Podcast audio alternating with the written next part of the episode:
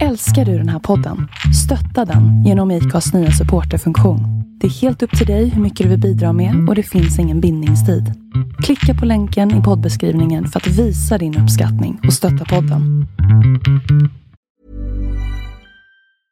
This is Paige, the co-host of Giggly Squad, and I want to tell you about a company that I've been loving, Olive and June. Olive and June gives you everything that you need for a salon quality manicure in one box. And if you break it down, it really comes out to $2 a manicure, which is absolutely insane. It's also so easy to get salon worthy nails at home with Olive and June. The difference between how your nails used to look when you did them yourself and now with the Manny system is a complete game changer. The best thing about Olive and June too is it's a quick dry, dries in about one minute, lasts for five days, and full coverage in up to one to two coats. Visit oliveandjune.com slash perfect Manny 20 for 20% off your first system. That's oliveandjune.com slash perfect Manny 20 for 20% off your first system. Hiring for your small business? If you're not looking for professionals on LinkedIn, you're looking in the wrong place. That's like looking for your car keys in a fish tank. LinkedIn helps you hire professionals you can't find anywhere else, even those who aren't actively searching for a new job but might be open to the perfect role. In a given month, over 70% of LinkedIn users don't even visit other leading job sites. So start looking in the right place. With LinkedIn, you can hire professionals like a professional. Post your free job on linkedin.com slash achieve today.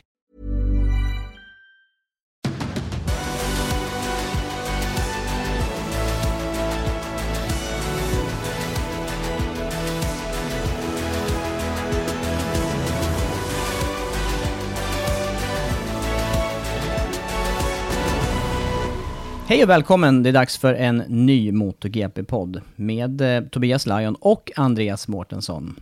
Först och främst Andreas, hur mår du efter förra helgen? Mycket bättre än förra helgen.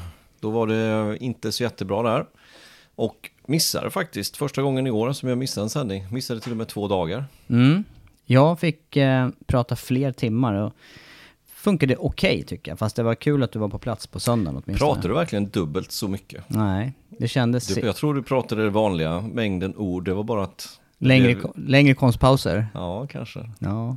Jag gjorde med flit. Jag tänkte att blir du hemma söndagen också, då behöver jag ha lite kraft kvar på söndagen där. Men jag hade bra energi i söndags.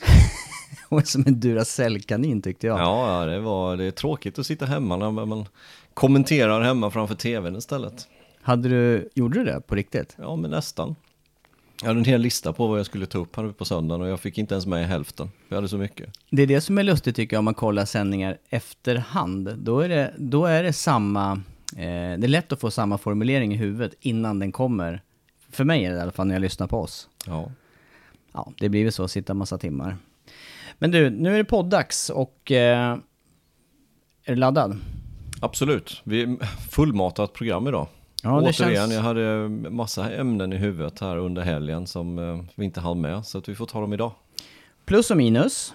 Sen eh, måste vi ta lite grann om den här jämna VM-ställningen och jämna racet. Lite grann om, eh, om och kanske jämförelser med eh, om den snabbaste och mest meriterade föraren i startfältet hade varit med på banan. Mark Marquez alltså.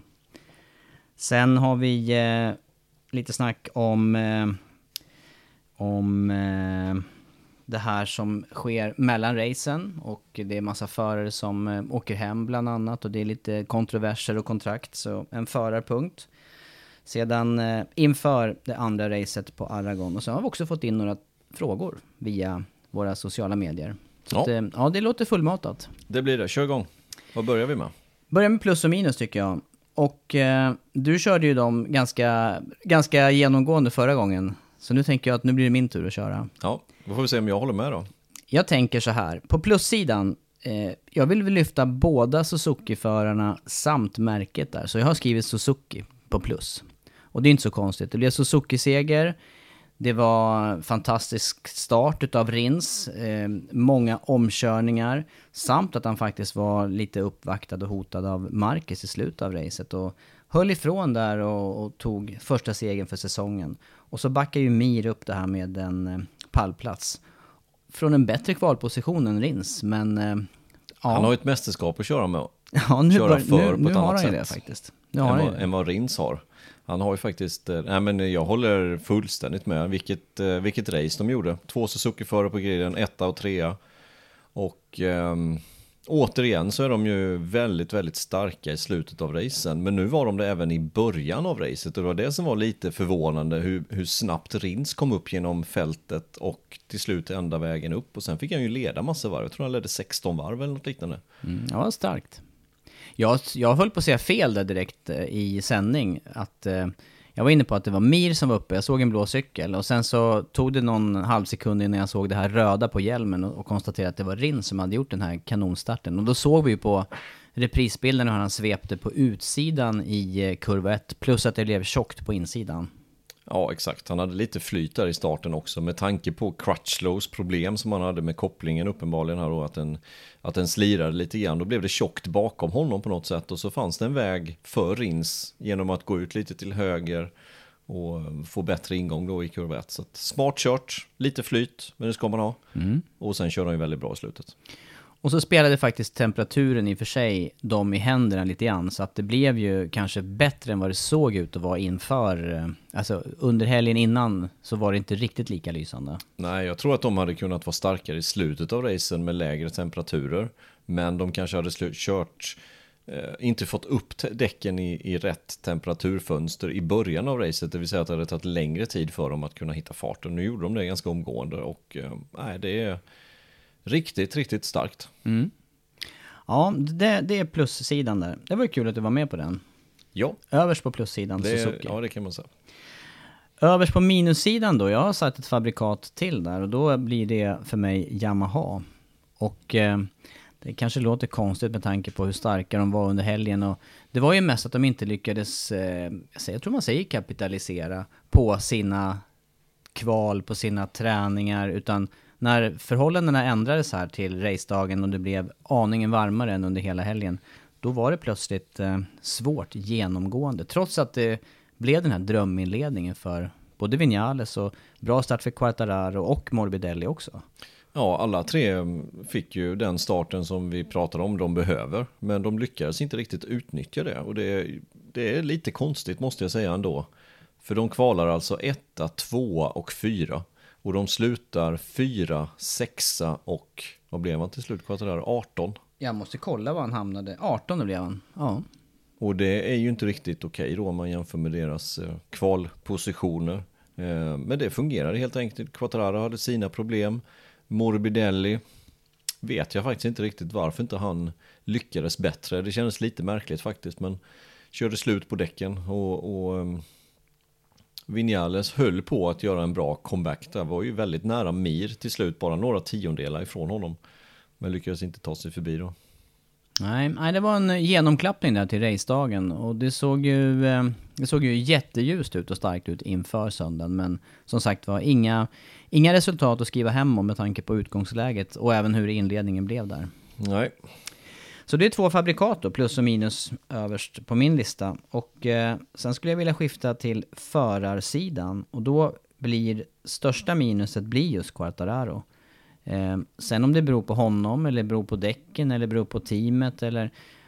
Vi var ju ganska frågande. Du var tidig i sändning med att säga att det här kan bli ett problematiskt race för Quartararo. För du såg att han föll eh, som en sten resultatmässigt tidigt. Och det fortsatte ju, det hejdades ju inte i det här fallet. Nej, det gjorde det inte. Eh, och, och, med de problemen som han hade där efter fem varv så syntes det rätt tydligt att det här kommer inte sluta väl för hans del. För att backar man på det sättet då blir han ett lätt byte bara helt enkelt på raksträckan eller var som helst egentligen med att bli omkörd.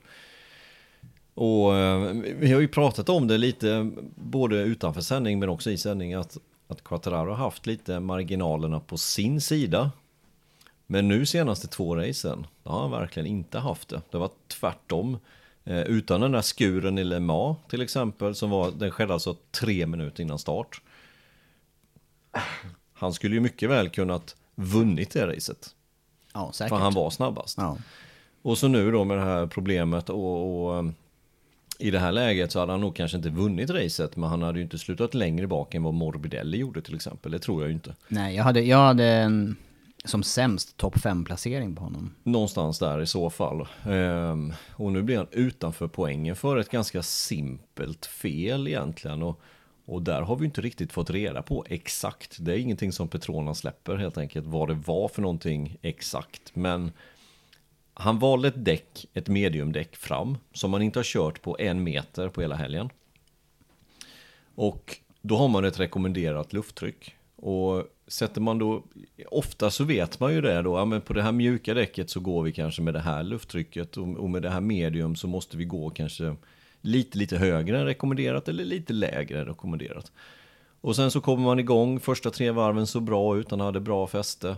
Eh, men till slut så stiger ju det här trycket och blir det för högt så blir det för varmt i däcket och så tvärtom och så höjs trycket ännu mer och så håller det på sådär. Eh, och då har man inte kontroll på trycket helt enkelt och då får man inget fäste. Då blir det som, liksom en, som en spetsig ballong med ingen anläggningsyta. Nej, det blir stora problemet där, just som du säger den här minskade anläggningsytan. Och det är ju den officiella förklaringen och det kan ju mycket väl vara så. Men jag tycker samtidigt att det här är... Det är, ju, det är ju rätt mycket gambling om man då ska plötsligt slänga på ett däck som man inte använt överhuvudtaget. Och, ja. ja, faktiskt eh, är det lite gambling. Å andra sidan så körde Morbidelli också med medium fram. Och sen så det här framdäcket är ju inte första gången de kör på det. De har ju säkert kört på det på en annan bana när det var en annan gummiblandning. Kanske till och med var i Le Mans. Eh, det får vi ju tyvärr inte reda på, men det är ju ett däck de känner till exakt vad det går för. Sen att de inte har testat det just i de här förhållandena på den här banan, det var ändå lite nya förutsättningar till racet, ska vi komma ihåg det med att det var högre temperatur. Så att, men, men det är också så här, hur ska man uttrycka det här? Jag förstår att det är olika märken, men när sina värsta konkurrenter runt omkring kör på mjukt, då sätter man på mjukt. För då är man i samma man skikt är, som ja, exakt. dem. Ja, ja, men tänk dig själv om man åker ut när det är halvt om halvt. Om dina värsta konkurrenter i mästerskapet kör på regndäck, då sätter du inte på slicks. För då hamnar du i samma läge som dem åtminstone. Exakt. Ja. Nej, klokt. Eh, sen förstår jag att de kör Yamaha, men, men Vinjale körde ju mjuka framdäcket och det höll ju distansen så att... Ja, Ja. det, är en, en, det, blev- känns som att det, det både var en gambling och lite miss... Eh, en, en gambling och miss. För ett tag var ju, jag hade någonstans i bakhuvudet att de här krascherna kan ha suttit lite hårdare än man ville visa. Men samtidigt så, även om han togs till Medical Center och det inte var några, det var inga frakturer och så, så var det sannolikt inte så mer än att han var mörbultad. Nej, eh, och och det där kräver ju nästan en egen punkt för att det var mycket snack om hans krascher i helgen. Han gjorde ju två stycken krascher. Eh, men jag håller inte riktigt med om att de var sådär som, som engelsmännen uttrycker att det var en huge crash. Ah, ja.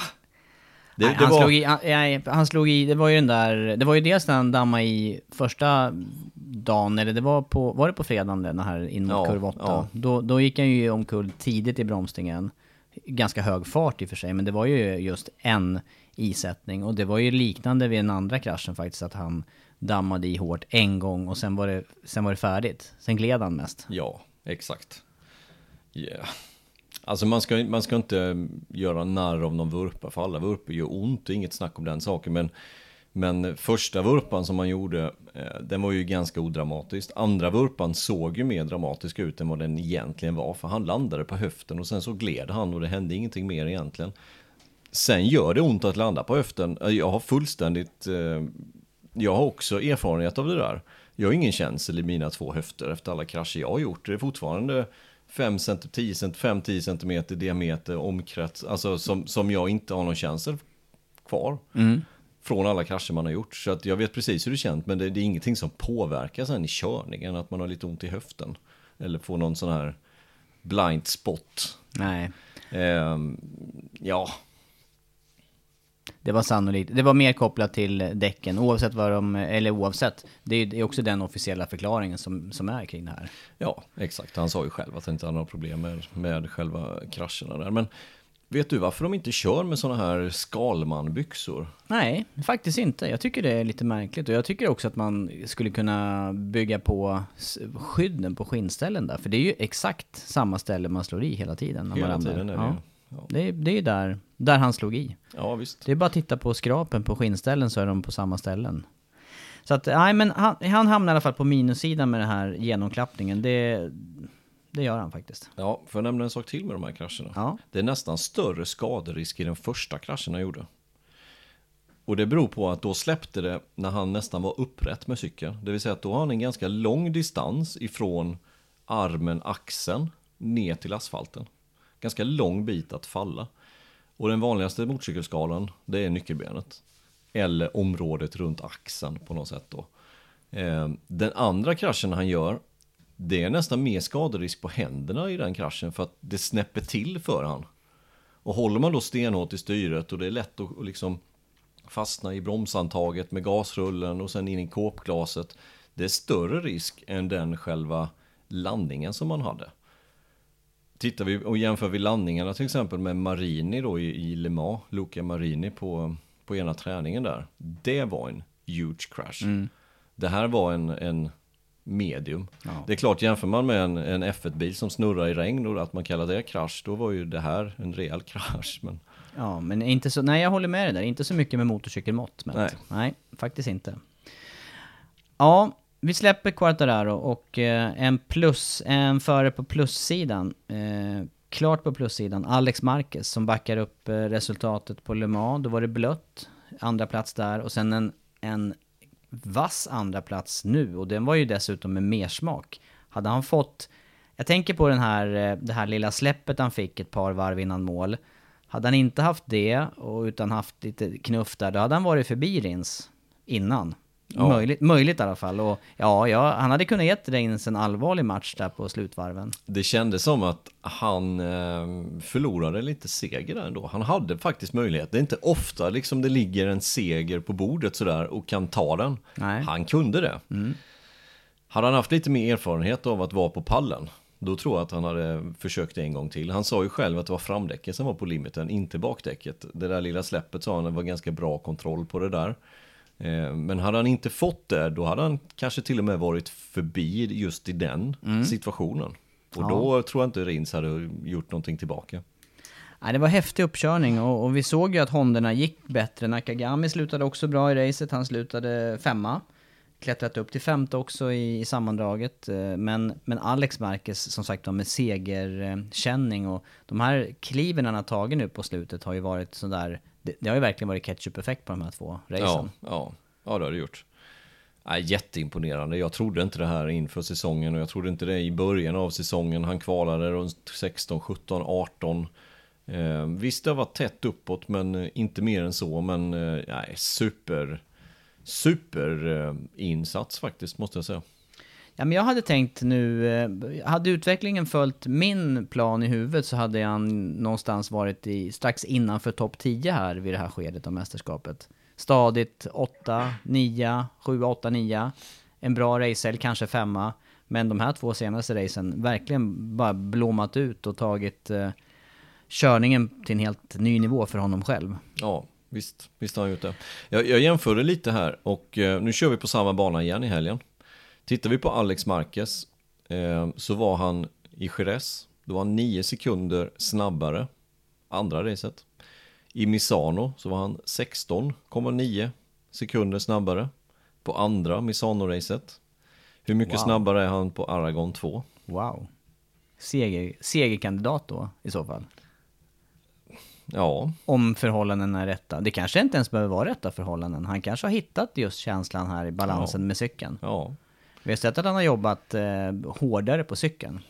Ja, och säger ju själv att han har försökt hitta den här nyckeln. Var, var är det någonstans man ska köra fort? Och han jämför det lite med Yamaha där som de behöver egentligen bara, som han säger det då, utnyttja kurvhastigheten. De har liksom det som är nyckeln att varvtiden ska komma. Men med Honda så behöver han vara snabb överallt. Han behöver vara bra på inbromsning, in i svängen, mitt i svängen, ut i svängen, raksträckorna.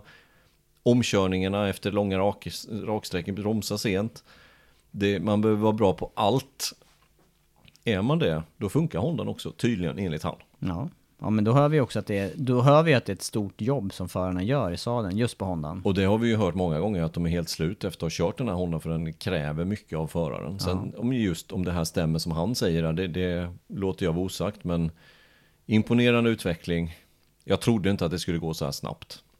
Nej, du är med på att han är på plussidan. Ja, verkligen. Kanske till och med större än Suzuki-föraren. Ja, För det, är de- stö- det är en större utveckling här. Ja, större... Suzuki-förarna var ju på pallen för båda två för något racen bara. Mm, stämmer. Ja, två märken, två förare. Sen har jag lite mer allmänna punkter. Jag har en på minussidan och en på plussidan. Och eh, jag vet inte om jag ska sätta... Jo, det här blir på minussidan.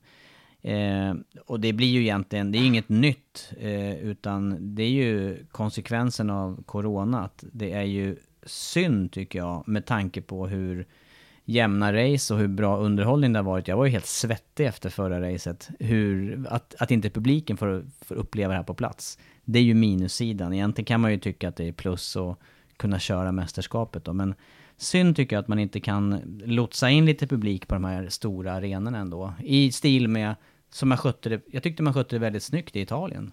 Till exempel. Med Ja. utplacerat och väl distans mellan, mellan publiken. Såg ju inte riktigt likadant ut i Frankrike sen. Nej, nej, där var det med. Där förstår man att det var klustersmitta, för där satt de i kluster. Faktiskt så. Ja, Nej, nej, men det är ju tråkigt att inte det är någon publik. Nu är det bara att gilla läget och det här trots allt. Det är en publiksport på ett sätt, men man kan ju njuta av bilderna också på ett annat sätt. Ja. Så det var, inte, det var ingen stor minuspost egentligen. Nej, och sen ska vi komma ihåg att eh, nu faktiskt fick jag reda på att det är lockdown nu i just det här området, Teruel och i delar av Aragon. Eh, och det är lagom nu alltså till andra helgen. Ja, Oklart läge. oklart läge. För hela mästerskapet. Nu tror jag ändå att man kommer köra klart det här, men, men eh, det kommer bli en väldigt viktig vecka nästa vecka när det inte är något race. Vad man har för sig. Ja, dels det, men också hur allmänna läget ser ut. Mm. Om det blir en stor peak under nästa vecka, då ska man nog se till att leda mästerskapet efter söndag. Ja. Ja, intressant. Och just mästerskapet blir min sista plussida. För trots då att det är intensivt och lite kortat och, och så, så är det ju, jag tycker det är fascinerande hur, eh, eh, hur svängigt, hur eh, svårförutsägbart och hur eh, mycket som händer i det här mästerskapet. Så jag, jag, jag, plussar, jag plussar hela mästerskapet. Och vet du vad, det är fyra race kvar nu. Det vill säga att det är 100 poäng att köra om. Mm. Det vill säga att Cal Crutchlow kan vinna mästerskapet. Han har, 20, han har 21 poäng och ligger 18 plats i mästerskapet. Teoretiskt. Ja. Och leder gör alltså Mir på 121 då? Ja, ja, men vinner han fyra i rad, då tar han 100 poäng. Mm. Och då har han fler segrar än vad Mir har, för Mir har ingen. ja. Sen så visst, det är väldigt många andra däremellan som måste nolla. Poängen kommer ju delas ut i vilket fall, men... Men nej, det är helt otroligt. Nu, nu är det ändå fyra som sticker ut lite grann då med Mir, Quartararo, Vinales och Dovi. Eh, och, och bara en sån sak är Dovi, efter den här helgen, han kom inte vidare till Q2. Han eh, slutade sjua till, slut. Han tar in poäng på mästerskapet. Ja, det är, det är märkligt. helt otroligt, Mm, är det det. är väldigt märkligt. Han gjorde ett starkt race. Det var ju som du var inne på. För att nu är vi, nu är vi också inne på andra punkten här i podden här med, med tabellen. Det skiljer alltså 15 poäng mellan Mir och eh, Dovizioso nu som är på fjärde plats. Och däremellan Quartararo 6 bakom, Vinales 12 efter. Men den här körningen som Dovi gjorde eh, från sin trettonde startruta. Med det här lilla bättre kvalandet som vi var inne på. då, nog hade han haft eh, känning på en topp 5-placering i alla fall. Ja, fyra hade han inte blivit. Han hade inte tagit Vinales. Men han skulle kunna hängt på i samma grupp där som, eh, som eh, Nakagami som blev femma. Ja, det skulle han kunna. Men om vi tar mästerskapet igen då. Vilka tror du nu kan vinna mästerskapet? Kan, kan topp 12 vinna? Eller är det bara de här topp 4 som kan vinna mästerskapet? Ja, men femma där som vi nämnde då, Nakagami, han har ju fortfarande ingen pallplats vad jag vet. Utan han har, nej. Det, det var ju verkligen på, på gång i Österrike, ett av racen. Men eh, ska han vara på allvar pall, eh, titelkandidat, då, då måste han ju åtminstone få till pallplatser skulle jag säga. Det kommer inte räcka med den här jämnheten. För då måste han ju även fightas med någon av dem framför som, eh, som faktiskt har segrar. Eller en handfull pallplatser som Mir har. Så jag skulle säga att det är... eh, Ja...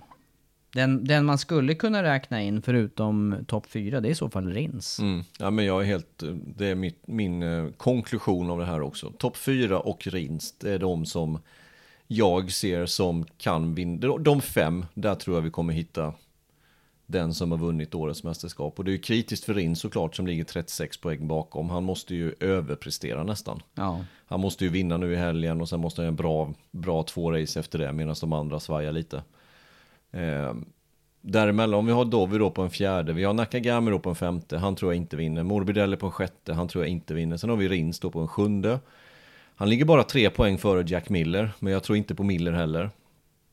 Och sen är det fem poäng ner till Paul Esparger och, och då börjar det bli för många poäng plus att Paul Esparger och kommer inte vara så tuff resultatmässigt i slutet av året. Så att jag håller med dig där. Det, Mm. det är topp fyra och Rins och ehm, jag tror att åtminstone fyra av de förarna det kommer leva hur länge som helst. där. Det kommer leva till sista racet. Jag ser ingen anledning till att jag ska... Nej, för de har varit så jämna nu också och tagit poäng av varandra och, och det, ja, jag tror också att det här kommer gå ända Ja. till mållinjen. Sen kommer vi till Valencia efter i två race och hade det varit V4 där mot eh, Quattararo till exempel, ja men då hade jag gett Quattararo goda odds på att kunna dra iväg lite grann. Men nu är det, nu är det två Suzuki-förare med här. Det är inte lika lätt för Yamaha att hantera. Och, och sen är det senare på året. Vi vet att det är risk för regn där. Och då vi är grym i regn. Så att därför kan man inte räkna bort han heller på det sättet. Han, han, då vi måste ha lite flyt med vädret. Jag har ju i den här podden räknat bort honom redan för att han har inte farten i torrt. Nej. Och det står, jag kvar, det står jag fast vid. Men eh, i det här mästerskapet när han som sagt med en sjunde plats tar in på täten och då var det inte ens blött. Eh, då kan ju vad som helst hända. Nej, inte fart riktigt på torrt som du säger. Och, och ja, jag, skulle vilja säga någonting mer om det här mästerskapet då eh, på plussidan där. Och det var ju också att det här racet, precis som vi snackade om under sändning, blev ju ett av de absolut tätaste någonsin. Det var ju det, var det jämnaste topp 10-resultatet någonsin. Sarko kom 10, han var alltså inom 10 sekunder från seger. Topp Ja, 10. och det näst jämnaste topp 15. Ja. Så poängplats, eh, för att ta poäng här så behöver man vara inom 16 sekunder från, från segern. Är jämnt. Ja, det är tajt. Det är tajt. Det är tajt efter Ja, de varven. Men, eh, eh, ja, topp 4 plus eh, Rins där. Om vi då ska ta oss in på den här punkten med eh, om och kanske och vad som skulle kunna, hur det skulle kunna ha sett ut med eh, regerande världsmästaren Mark Marquez på plats. Du hade ju kollat upp lite grann där när det gällde när det gällde hans resultat och han har ju varit helt överlägsen till exempel just på en bana som Aragon. Ja, fick en liten, eh, eller vi snackade lite på, på sociala medier så fick jag in en liten synpunkt och en fråga där vad jag trodde om Mark Marquez här. Om Alex Marquez kan prestera som han gör, hur hade det då gått för Mark Marquez?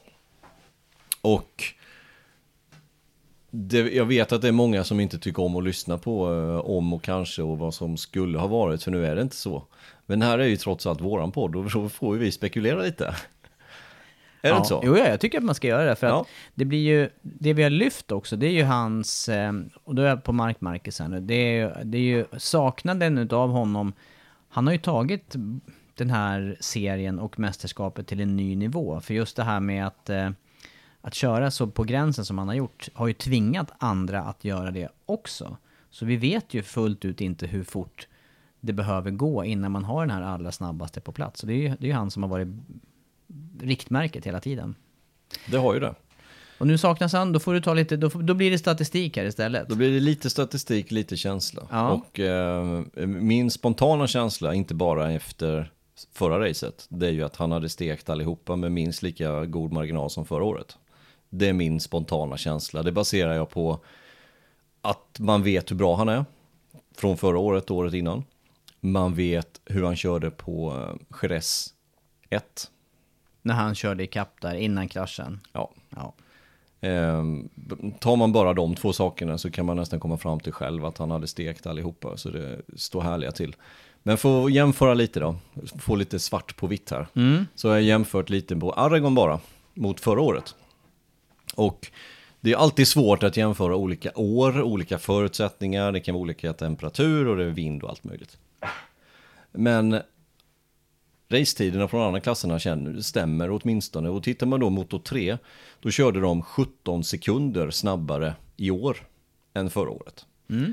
Tittar man på motor 2, då körde de 12 sekunder snabbare. Alltså vinnaren var 12 sekunder i mål i år snabbare än förra året.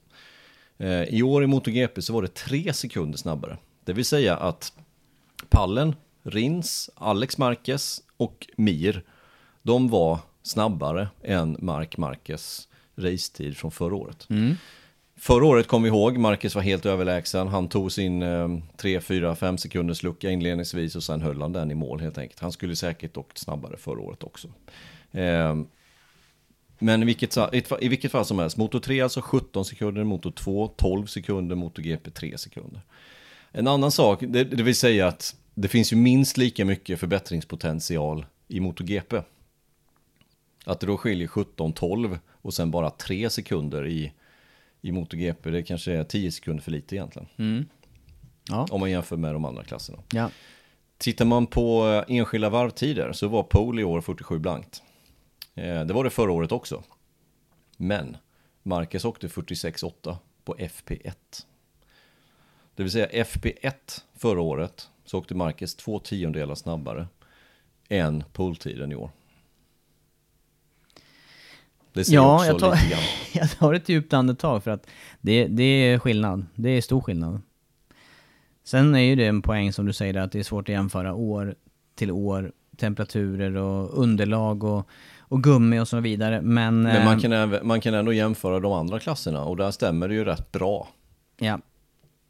De här tre sekunderna skedde ju dessutom nu. Det, det kändes ju som att eh, Rins fick bita ihop på slutet. Eh, Alex Marquez gjorde detsamma och Mir kunde inte heller eh, finåka utan eh, hade Mark Marquez haft någon som hotade han, då hade han kunnat åka snabbare. Ja, och, och Sannolikt. man kan inte inbilla mig att Alex Marquez, han blev tvåa det här racet, att Alex Marquez skulle slå Mark Marquez på bröderna Marquez hemmaplan.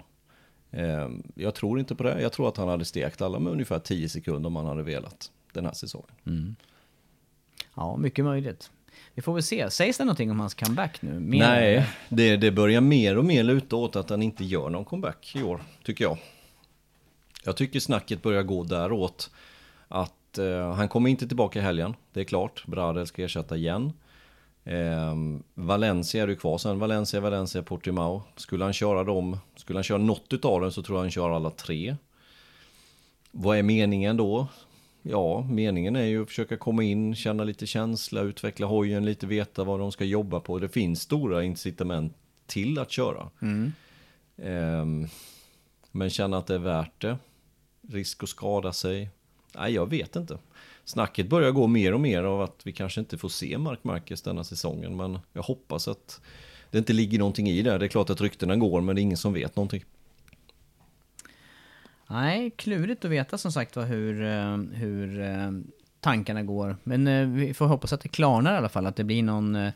Det skulle ju vara skönt att veta, efter den här racehelgen på Aragon så skulle man ju nästan kunna komma ut med en officiell eh, release som säger någonting om fortsättningen. Ja, jag tror dock att vi får vänta till tisdagen eller något liknande innan Valencia-racet, det vill säga då nästan två veckor till. Ja, Men eh, vi såg ju den här, såg du den här videon när han hade kollat på racet hemma ja, ja. med, sin, eh, ja, med sin crew helt enkelt. Jag tycker inte det såg så jättebra ut heller på armen där. Svårt att avgöra. det är Men, svårt att avgöra under belastning och så vidare. Och vad han har belastat hittills, det har jag dålig koll på faktiskt. Ja. Ja, Nej, det är bara att hoppas att eh, jag vill se honom i år. Det hade varit kul att se honom i år. ja det hade det varit. Faktiskt. Men eh, som sagt det är ju det är också bra att få tillbaka en helt hel förare till nästa säsong. Men jag undrar lite, vad händer i mästerskapet när han kommer tillbaka? Han kan ju ställa till, alltså om han vinner, ja men då är inte 25 poäng på bordet längre. Nej, då är det ännu jämnare. Då är det sannolikt. ännu jämnare ja. Mm. Då blir det de här ströpoängen som på Le Mans där till exempel. De- Den Skulle kunna bli. skulle kunna bli. Ja. Ja, det är en till som ska ta lite poäng och han Kommer han tillbaka så kommer inte han vara femma, femma, sjua liksom Utan han kommer ju vara om pallplatser ja, det får vi ju tro. Det tänker jag i alla fall. One size fits all seems like a good idea for clothes until you try them on. Same goes for healthcare. That's why United Healthcare offers flexible, budget friendly coverage for medical, vision, dental, and more. Learn more at uh1.com. Even on a budget, quality is non-negotiable. That's why Quince is the place to score high-end essentials at 50 to 80% less than similar brands. Get your hands on buttery soft cashmere sweaters from just 60 bucks, Italian leather jackets, and so much more. And the best part about Quince, they exclusively partner with factories committed to safe, ethical, and responsible manufacturing. Elevate your style without the elevated price tag with Quince. Go to quince.com slash upgrade for free shipping and 365-day returns.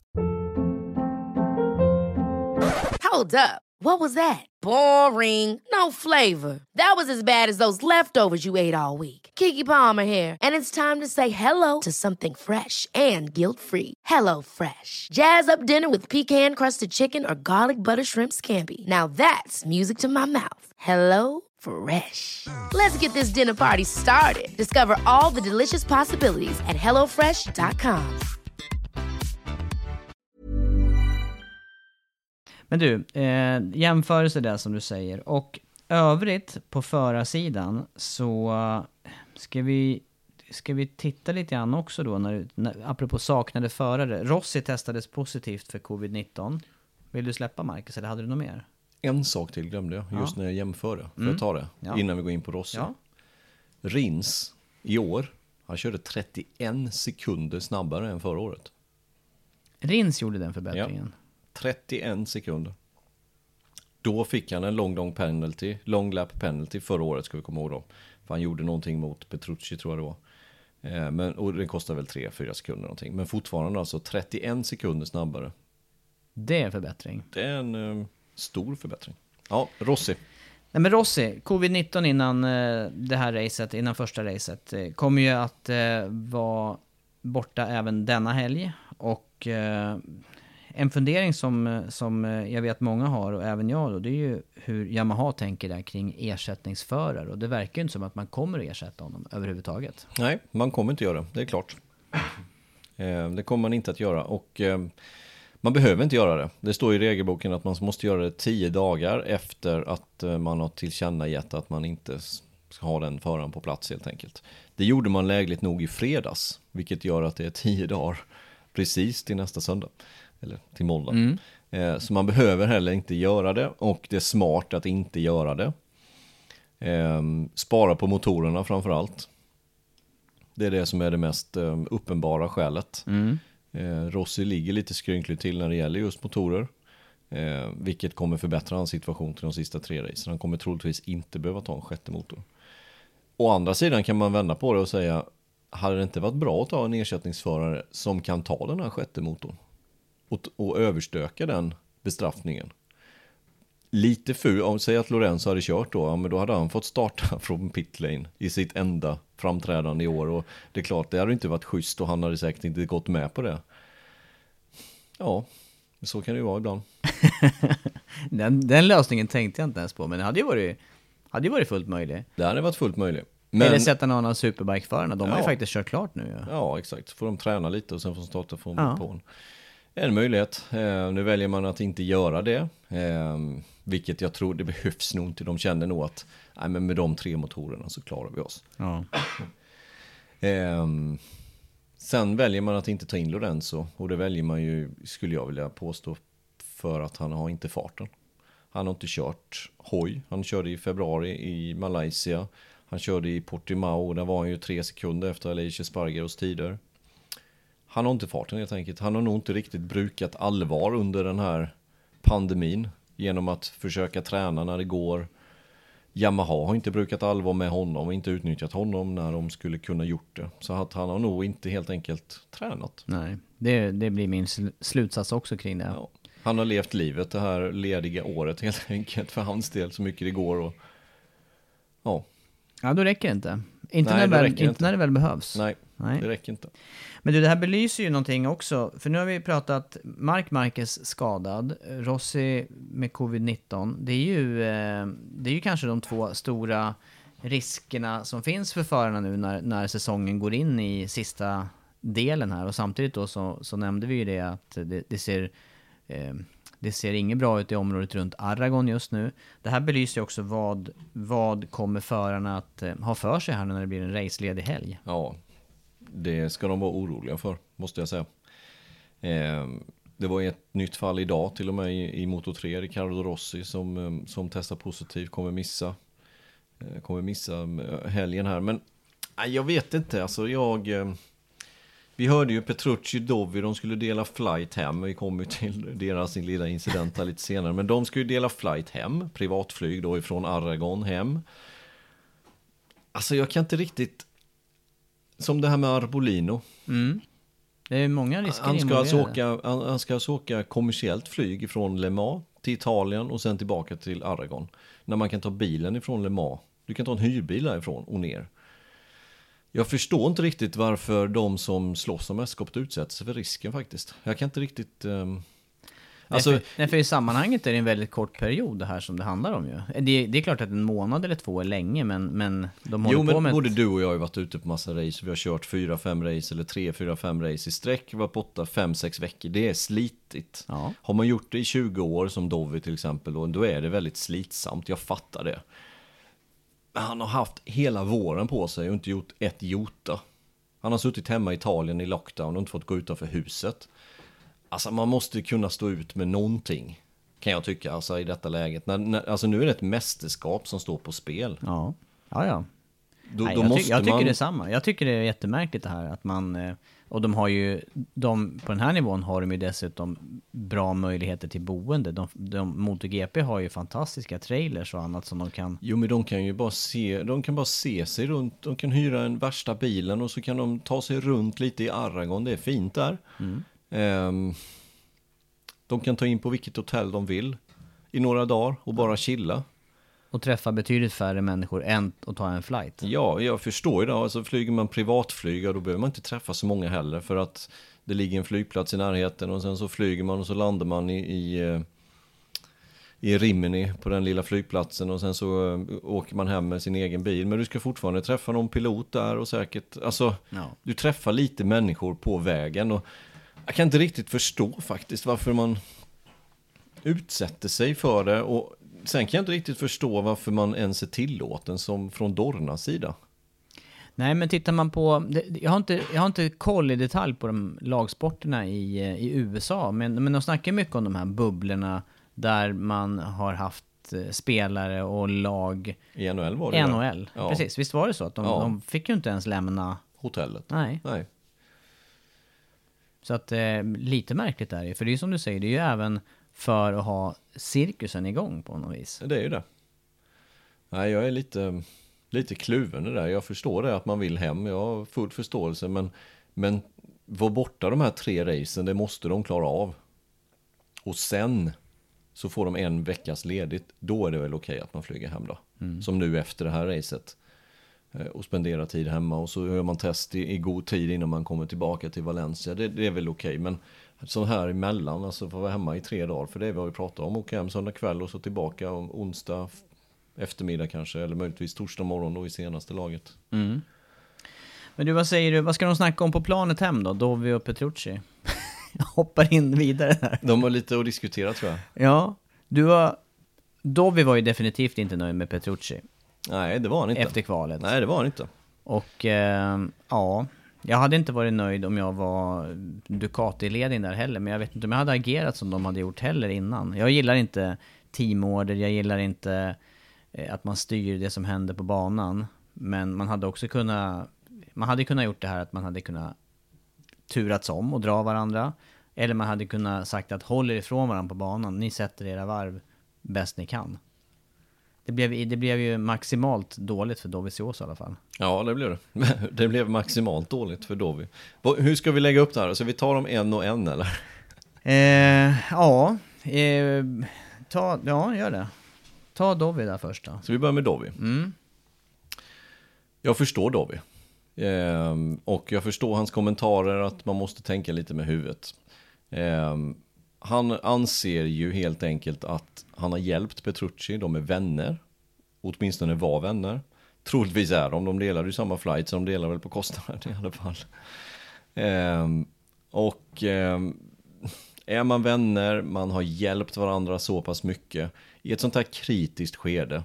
Eh, Petrucci vet ju lika väl som Dovi att det här är nog sista året Dovi ens kanske till och med med i MotoGP och definitivt skulle jag vilja påstå sista året som han slåss om ett mästerskap. Det är sista chansen. Ja, för sen tror jag också den här yngre generationen och ja, jag tror, jag tror som Ja, du. och sen kommer han säkert, om man får en annan styrning så kommer det vara på ett, mäst- på ett material där han inte kan vinna ett mästerskap. Åtminstone inte nu. Nej. Eh, Så det är sista chansen. Och och då måste man ta alla chanser man kan. Och har man då haft en, en, en vän, jag påstår att det är en vän fortfarande Petrucci. Man har hjälpt honom, kommit över vissa psykiska saker som man har haft problem med. Ehm, och sen så går Petrucci och då gör en sån här grej på bekostnad av Dovis plats. Jag fattar att Dovi är liksom less. Jag fattar att han är less alltså. Och samtidigt då, om jag tar Petruccis parti där så skulle ju, så skulle ju, han har ju haft en bedrövlig säsong hos Ducati. Det har ju inte gått eh, överhuvudtaget med, han har inte haft några resultat förutom segern på, på Le Mans. Och hävdar ju i det här läget att han skulle fått kritik för att han inte hade farten och så vidare under, eh, under kvalen. Och eh, ja, han tar de chanser som finns för att, för att skaffa en, en bra kvaltid eller en bra varvtid. Och sen får Dovi på något vis reda sig själv där. Dovi hade ju kunnat gjort någonting, han hade ju kunnat Ja. slagit av också. Jag fattar ju det. Jag fattar det också. Eh, Men, men då måste man på något sätt liksom väga lite, vad är det som väger tyngst här? Petrucci, jag förstår att han har bonus för att ha kvalat på ett visst sätt och, och kommer racea på ett visst sätt. Det, det är ju pengar, incit- incitament dessutom för Petrucci, jag fattar det också. Men på något sätt så, så för, för Petruccis del så hade det inte spelat någon så stor roll om han startade 9 eller 14. För raceresultatet hade blivit ungefär detsamma. Men för en sån som Dovizioso, som då inte, han blev 15 till slut. Men för en sån som Dovizioso som hade farten under FP4, FP4 var egentligen enda tillfället de kunde börja och börja med sin setting för att FP1 och FP2 var för kallt och FP3 var för kallt. Det var liksom inga bra förhållanden, så från FP4, det var då det började bli liksom Och så hade ju Dovi en krasch dessutom. så hade han en krasch på FP3 som gjorde att han inte kom vidare på det. Så att han hade ändå, om man tittar på FP4 så hade han farten för att kunna vara med och slåss om pallen. Så att hans kval var ju extremt viktigt. Mycket viktigare än för Petrucci som redan har sin framtid utstakad. Det är redan färdigt. Han har inget mästerskap att slåss för. Och han har då en vän på andra sidan depåväggen här som, som slåss för mästerskapet för sista gången. Som han har fått hjälp av dessutom. Som han har uttalat att han ska hjälpa Dovizioso fram till den här titeln. Och han gör, inte, han gör tvärt emot egentligen. Sen, jag håller fullständigt med dig också. Jag fattar allting sånt där. Utan jag tror att det är mer, det är mer vänrelaterat. Jag tror det är därför Dovi är liksom förbannad. Hade det varit Lorenzo så hade han skitit i vilket. För att de är inte vänner Han har inte förväntat sig något annat. Exakt, precis så är det. Nej, där, jag, jag tycker ju som du, att jag tycker att Petrucci, han, eh, han eh, stekte Dovi på fel sätt här. Han gjorde, Ja. han gjorde, Hade han, hade han haft smart. den här platsen och legat ett halvt varv bakom och inte haft hjälp av Dovi, då hade det varit en helt annan sak. Då hade det varit liksom, ja, mer okej om man ska säga, för då gjorde de det på egen hand. Men nu gjorde Petrucci det liksom på, på bekostnad av Dovi för att han hade rygg på Dovi. Sen måste, Dovi, sen måste Petrucci ta sina chanser. Jag fattar allting, men, men fortfarande, Dovi hade bättre fart. Och hade Dovi förbättrat sig bara ett par tiondelar sen från sin tid som han satte i Q1 och kört ett par tiondelar snabbare i Q2, då hade det kunnat leda till andra startled. ja, Miller hamnade i andra. Exakt. Han, sta, han startade femma. Och det varit en helt annan sak för Dovis mästerskap om han hade startat femma. Han hade inte, jag lovar att han hade inte blivit sjua då i racet. Han hade kanske blivit runt Vinales, fyra. Ja, det där var inte bra. Det var inte bra för, för Dovi och mästerskapet i alla fall. Och eh, det här att dela privatjet, jag vet inte riktigt. Nej, men jag tror att Dovi De har mest, lite att reda ut. Ja, men jag tror han är mest besviken på Ja. Petrucci helt enkelt. Han har hjälpt honom som en polare. Och sen så får han liksom noll hjälp när det kanske inte behövs för Petrucci liksom att prestera på den nivån. Och, och sen har vi ju även Ducati då som vi inte har pratat om egentligen. Som vi var inne lite på. De gjorde ju bort sig, tycker jag. Eh, Jag tycker också då, alltså ska man slåss om ett mästerskap när man vet att vi har inte riktigt farten att vinna det här mästerskapet på ren speed, för det har de inte. Då måste man ta till andra metoder. Och de andra metoderna Det handlar om att ge teamorder, samarbeta. Och då kan man inte låta en sån här sak ske. Det har ju inte kryllat med VM-titlar för Ducati precis. 2007, Stoner, var det så? Så var det. Ja. Nej, men det, det, man måste ju ta till lite sådana saker som inte är riktigt rätt. Nej. Det är ju, det är ju egentligen i grunden en positiv eh, del tycker jag utav det här att vi, vi ser sällan den här typen av teamorder. Men, men jag hade inte ens reagerat över om de hade hjälpts åt där. Om de hade, då, det tycker Nej. jag är positivt. Nej. För då, det blir ändå fair för att då, då, gör man, då har man två före som, som ger varandra chansen att ta sig vidare. Hur gick det förra gången när de slogs om ett mästerskap 2017 och Mappin 8? Ja, just det. I Valencia. Ja, Och eh, hur gick det på, nu vet jag inte riktigt, jo de kraschade ju bort sig på Jerez också där. Lorenzo och Dovizioso. ja. Ja, sisådär. Du, vi måste hoppa vidare. Jag måste hoppa och, också hoppa vidare snart. vi så att- släppa den Ja, punkten? vi måste släppa den här punkten nu. För jag har... Eh, jag tänker så här, du hade en fundering vet jag innan vi snackade här. Och det gällde ju också kvalet här. Det var ju Alex Marquez. Vi kommer in lite grann på... Vi kommer in i så fall på det här med bestraffningar. Och saker som händer här efter kvalen. För att det här är ju ingenting man kan straffa någon för. Det här är ju tråkigt relationsmässigt. Petrucci, Dovizioso. Och möjligtvis illa för Dovido i mästerskapet. Men sen har vi då, det var ju en incident till på kvalet där i MotoGP mellan Alex Marquez och bröderna Espargaro. Just det, när Alex Marquez cruisade lite i, eh, ja, utanför linjen. Det var därför han inte fick bestraffning. Hade han cruisat i racinglinjen, då hade han fått bestraffning. Men det gjorde han inte, utan det var utanför. Eh, men på något sätt så blev det trångt ändå i sista svängen, vilket det lätt blir där. Och eh, Aleix Sparger och Paul Espargaro kör ihop lite grann. Det flyger vingar ifrån Polly Sparger och cykeln bland annat. Eh, och de skyller ju allting på Alex Marquez. Eh, och lite förvånande då att han inte fick bestraffning. Men det fick han på grund av att det inte, han fick inte det på grund av att det var eh, utanför racinglinjen. I motor 3 däremot är det en annan sak. Nu var det ju 15 förare eller något liknande återigen som får bestraffningar. Jag kan snart inte hålla reda på det. Det här, det här börjar ju likna ja, ja, allt och inget höll jag på att säga. Där man blir avstängd 15 minuter av FP2 för första gången och sen är det 15 minuter av FP3 andra gången och sen är det 25 minuter av FP3 tredje gången. Ja, det är... Vem ska hålla ordning på det här? Nej men det är så rörigt så att eh, jag vet inte vad de håller på med. Alltså varför ger de inte en bestraffning som känns istället så att vi blir av med det här? För det var ju, det såg ju för jäkligt ut på, på kvalet. Ja, det var, ju, det var ju 3. dessutom, där var ju tyvärr, tycker jag, John McPhee en utav Ja det var de, de som betedde sig mycket illa tyckte jag. För det, han åkte ju verkligen och cruisa om man får säga så, i Ja. racinglinjen med en hel, med en hel klunga förare bakom sig. Och han blev ju bestraffad både i Q1 och Q2. Ja.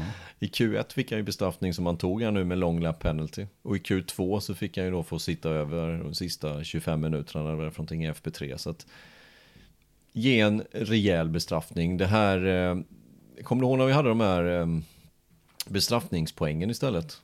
Som till slut avgjorde VM 2015. ja.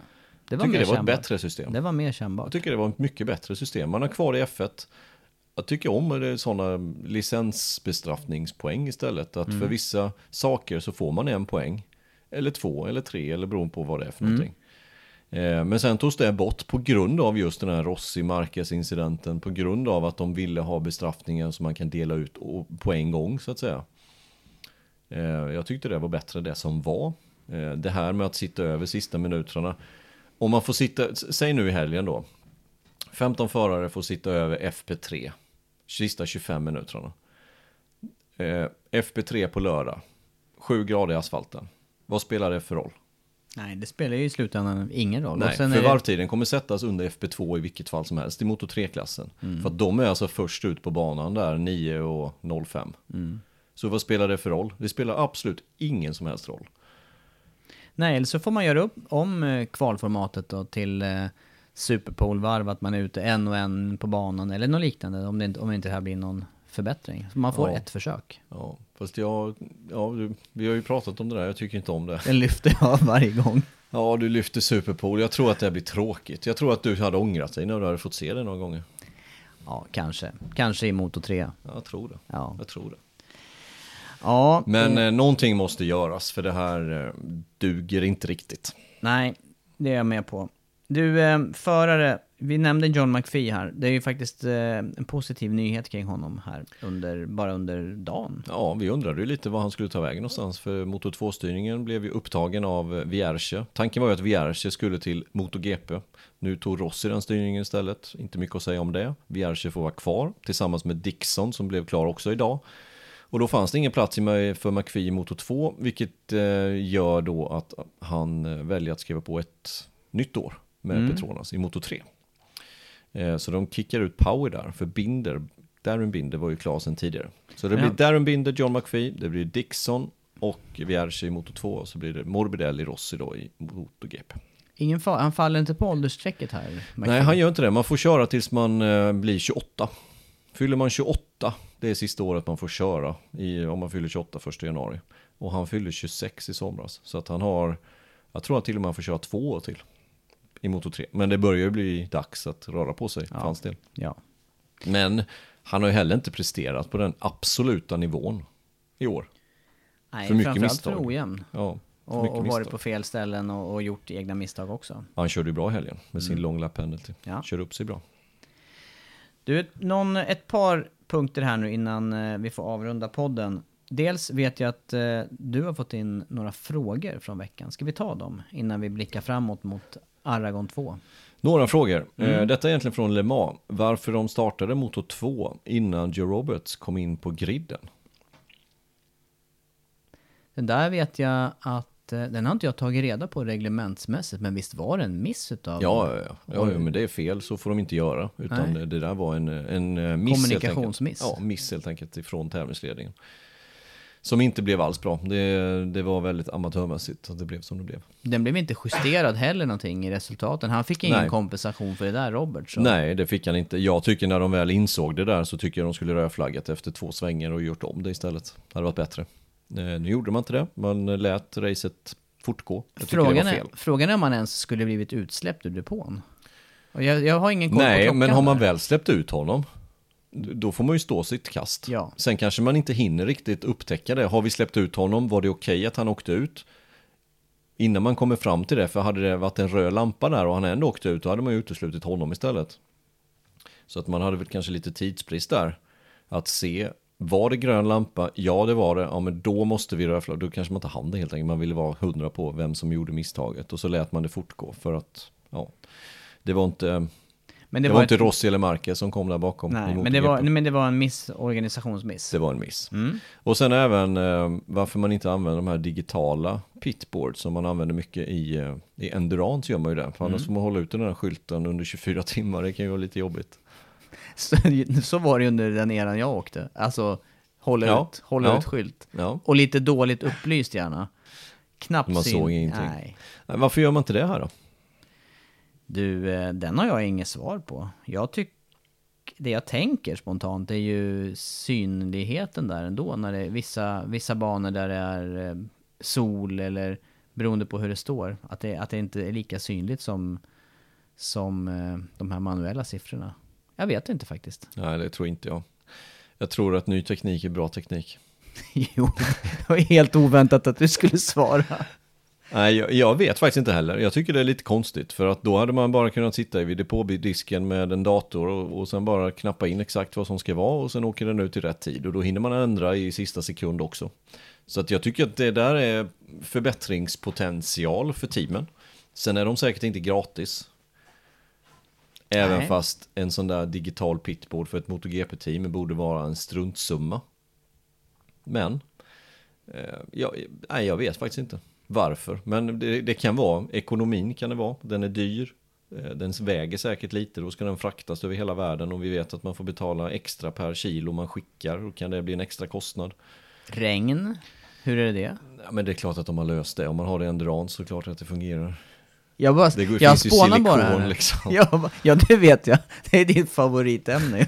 Nej, jag, jag, jag, vet faktiskt inte. Jag, det enda jag kan tänka mig varför är att man tycker att vinsten är så pass liten jämfört med vad kostnaden är. Det är den enda rimliga förklaringen. Det är ytterligare, men det är ytterligare teknik som ska fungera också. Ja, men, ja. Jo men siffrorna då, det, finns ju många negativa saker där med att det måste vara en person som sköter den, de, kan blåsa bort. Ja, det kan de göra. Eh, Det finns ju miljarder olika minus på en manuell tavla också. Som du säger, det här med att man inte hinner ändra i sista Nej, sekunden. nej. Utan du måste ju ändra, du, har ju, du behöver ju nästan en 20 sekunder på dig, 20-25 sekunder innan de passerar måste du ha ut din tavla. En digital tavla kan du ändra på 5 sekunder. Ja. Och så har du ju en sån som, finns ju sådana som slidar ut liksom och så slidar de in igen. Det är snyggt. Jag vet faktiskt inte, vi får prata med någon eh, tekniskt kunnig om det där. Eller någon i teamen, vi kanske ska prata med Johan om det nästa gång vi pratar, vi pratar med honom. Ja. Se varför man inte har en sån. Ja, ja bra fråga. Du, eh, inför Aragon 2 nu då. De här fyra i toppen utav mästerskapet, är det någon utav dem som... Eh, p- samt, vi nämnde också Rins här. Eh, är det någon eller några namn som du vill lyfta särskilt till det andra racet då? Ja, jag tycker det är spännande att se vad Mir gör faktiskt. Eh, Jag tror att Yamahan i änderna på framförallt Quattararo kommer ha problem med sitt däckslitage. Jag, kom, jag tror att de kommer jobba mycket med mediumdäcken här för jag tror inte de, jag tror inte de mjuka däcken håller för dem. Vinales såg betydligt bättre ut med däckslitaget men inte i racet såg vi sen inte helt hundra för hans del i racet. Mir och Rins, då vet vi har bra koll på däckslitaget. Vad händer om det blir lite varmare? Ehm, kommer däckslitaget att öka för deras del eller minska? Ingen koll på det riktigt. Den som ligger mest skrynkligt till som vanligt är ju Dovizioso för han har inte riktigt farten. Eh, Så han vet jag inte riktigt vad det står för hans del. Det, det sägs att det ska vara uppehåll åtminstone på lördag, söndag. Finns risk för regn på fredag. Men det är ju ingenting som avgörs då så att det spelar ju mindre roll. Nej men jag håller med, det hade ju, för hans del hade det ju varit bättre med tveksamma väderförutsättningar Mycket och bättre. regn. Mycket bättre. Eh, De andra har farten och har sannolikt lärt, lärt sig någonting utav eh, första racehelgen. Samtidigt har vi ju sett det här att eh, vissa har eh, utvecklats mer, kanske de med mindre erfarenhet, eh, och tagit större kliv till andra racehelgen. Eh, precis som du sa tidigare här, Alex Marquez är ju också en spännande förare som kan st- ställa till det resultatmässigt för de här i toppen. Ja, han kan bli riktigt giftig i helgen faktiskt. Men eh, jag, jag tror faktiskt att det kommer bli ungefär så som det blev. Topp 4 i mästerskapet och Rins, jag tror de kommer vara där uppe och slåss om det tillsammans med Morbidelli, Alex Marquez. Miller kommer troligtvis kvala bra, precis som vanligt, men jag tror inte att han eh, kommer vara att räkna med i racet sen. Det verkar inte som att han har riktigt farten under raceförutsättningen. Vill du till och med göra en tippning? Ja, det kan vi göra. Jag tror att Mir vinner den här gången och jag tror att Marcus blir tvåa. Och så tror jag att Vinales blir trea. Ja, men jag kan inte gå på helt samma här. Jag säger, eh, jag säger Marquez tar sin första seger då. Och så säger jag just... eh, Mm, jag säger igen här Suzuki. Etta, två, två, tvåa, trea. Mir och Rins. Marquez, Mir, Rins. Samma pall alltså. Ja, Ja, det blir ju väldigt likt. ja det kommer ju aldrig hända.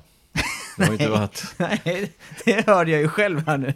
Snyggt, du slog hål på den där tippningen direkt. Det är som i Lotto, det kommer aldrig bli 1, 2, 3, 4, 5, 6, 7. Nej, det är därför jag inte har vunnit. Det är min stående rad. Avslöjade den. Ja, mycket, det här var mycket att prata om i den här podden. Ja, men nu har det gått en timme. Mm, Och eh, nu får vi ta avsluta va? vi gör det och så får vi se hur något av det här som vi har snackat om utfaller då till kommande racehelg. Som vanligt på våra kanaler från fredag till söndag. Ja, V-sport 1 är det som gäller. Eh, V-sport motor upptagen med Formel 1. Just från eh, Portimao. Spännande. Tror du, de, att se hur den banan blir och vilka kameravinklar de använder i Formel 1. tror du de lyfter över något av krönen? Det tror jag inte. De har för mycket downforce. Ja. MotoGP kommer göra det. Det kommer de göra. Ja. Okej, vi ser fram emot det och eh, avrundar denna MotoGP-podd.